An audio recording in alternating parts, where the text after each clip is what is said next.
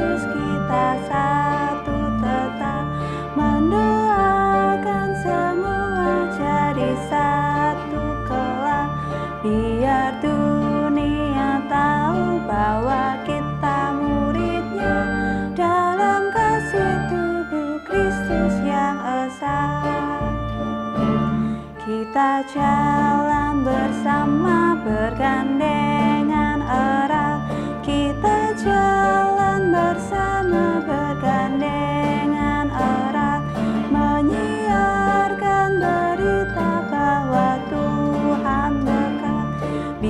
dunia tahu bahwa kita muridnya Dalam kasih tubuh Kristus yang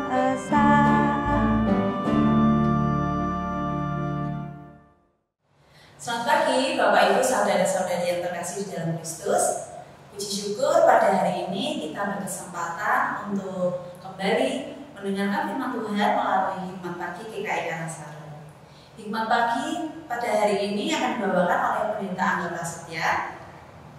Sebelum memulai hikmat pagi pada hari ini, marilah kita berdoa. Ya Tuhan Yesus, terima kasih Tuhan untuk pagi hari ini karena Engkau telah memberikan kesempatan pada kami untuk boleh mendengarkan firman Tuhan melalui hikmat pagi pada hari ini. Kiranya Tuhan melalui kami dengan kesehatan selalu dan biarlah untuk setiap firman Tuhan yang akan dibawakan oleh pendeta Angga dapat kami dengar dan dapat kami terapkan ke dalam kehidupan kami. Terima kasih ya Bapak, hanya di dalam nama Tuhan Yesus Kristus kami berdoa. Amin. Tema hikmat pagi pada hari ini adalah roh pemersatu. Firman Tuhan diambil dari 1 Korintus 12 ayat 1 sampai yang 11. Saya akan membacakan fokus ayatnya saja dari 1 Korintus 12 ayat yang 11. Tetapi semuanya ini dikerjakan oleh roh yang satu dan yang sama, yang memberikan karunia kepada tiap-tiap orang secara khusus, seperti yang dikehendakinya. Demikian sabda Tuhan, syukur kepada Allah. Aristides dari Athena merupakan orang Kristen Yunani dan penulis yang hidup pada abad kedua. Aristides mempunyai karya tulisan yang berjudul Apologi Aristides. Gaya penulisan dan tesisnya sangat mirip dengan orang-orang seperti Quadratus, Aristo dari Pella, Justinus Martir, dan penulis surat kepada Dionectus. Informasi tentang Aristides sangat sedikit diketahui, kecuali keterangan pengantar dari Eusebius dan Hieronymus. Mereka menyatakan bahwa Aristides mempraktikkan filsafat di Athena, di mana ia tinggal, sebelum dan setelah pindah ke agama Kristen. Aristides pernah menuliskan tentang orang-orang percaya pada zamannya kepada Hadrian, Kaisar Roma sebagai berikut. Mereka saling mengasihi satu sama lain. Orang-orang percaya itu tidak pernah lalai menopang para janda, menyelamatkan anak-anak yatim piatu dari orang-orang yang akan mencelakai mereka. Jika memiliki sesuatu, mereka akan memberikannya dengan rela kepada orang-orang yang tidak punya apa-apa. Jika melihat orang asing, mereka membawanya ke rumah mereka, dan mereka bersuka cita seolah-olah orang asing itu adalah saudara mereka. Mereka tidak menganggap diri mereka sebagai saudara biasa, tetapi saudara melalui Roh Kudus di dalam Allah. Suatu kesaksian yang indah dan luar biasa tentang hidup jemaat Kristen di abad-abad pertama. Mereka bisa hidup saling memperhatikan, berbagi, memberi tumpangan dengan sukacita.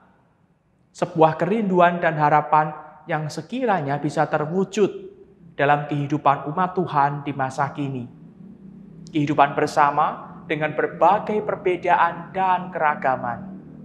Itu semua bukanlah situasi yang mudah untuk disatukan. Rasul Paulus memberikan nasihatnya kepada jemaat di Korintus yang dianugerahi berbagai karunia roh, tetapi malah timbul perpecahan dan keributan di antara mereka. Mereka saling membandingkan dan mengunggulkan karunia masing-masing.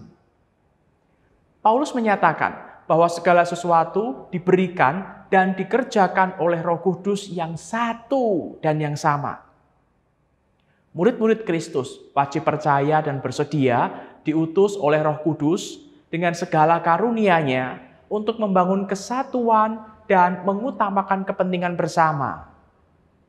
Roh Kudus tetap berkarya dan menganugerahkan karunia serta kuasanya bagi persatuan tubuh Kristus di segala zaman. Mari kita berdoa. Bapa di surga, kami bersyukur pagi hari ini kami kembali kau ingatkan ketika kami hidup di dalam keberagaman, terutama ketika kami menjumpai ada berbagai karunia roh yang engkau berikan kepada umatmu. Maka kami sadar bahwa karunia-karunia itu semuanya dikerjakan dan diberikan oleh satu roh yang sama, yaitu roh kudus Tuhan. Dan mampukan kami untuk selalu mengingat, menyadarinya, serta menggunakan segala karunia yang kami miliki untuk kepentingan bersama, untuk membangun jemaat Tuhan, sehingga kehidupan kami sebagai orang-orang Kristen boleh berkenan di hadapan Tuhan dan menjadi kesaksian yang nyata bagi orang-orang di sekitar kami. Terima kasih atas segala berkat-Mu ya Bapa. Di dalam nama Tuhan Yesus kami berdoa. Amin. Selamat pagi, selamat beraktivitas. Tuhan memberkati.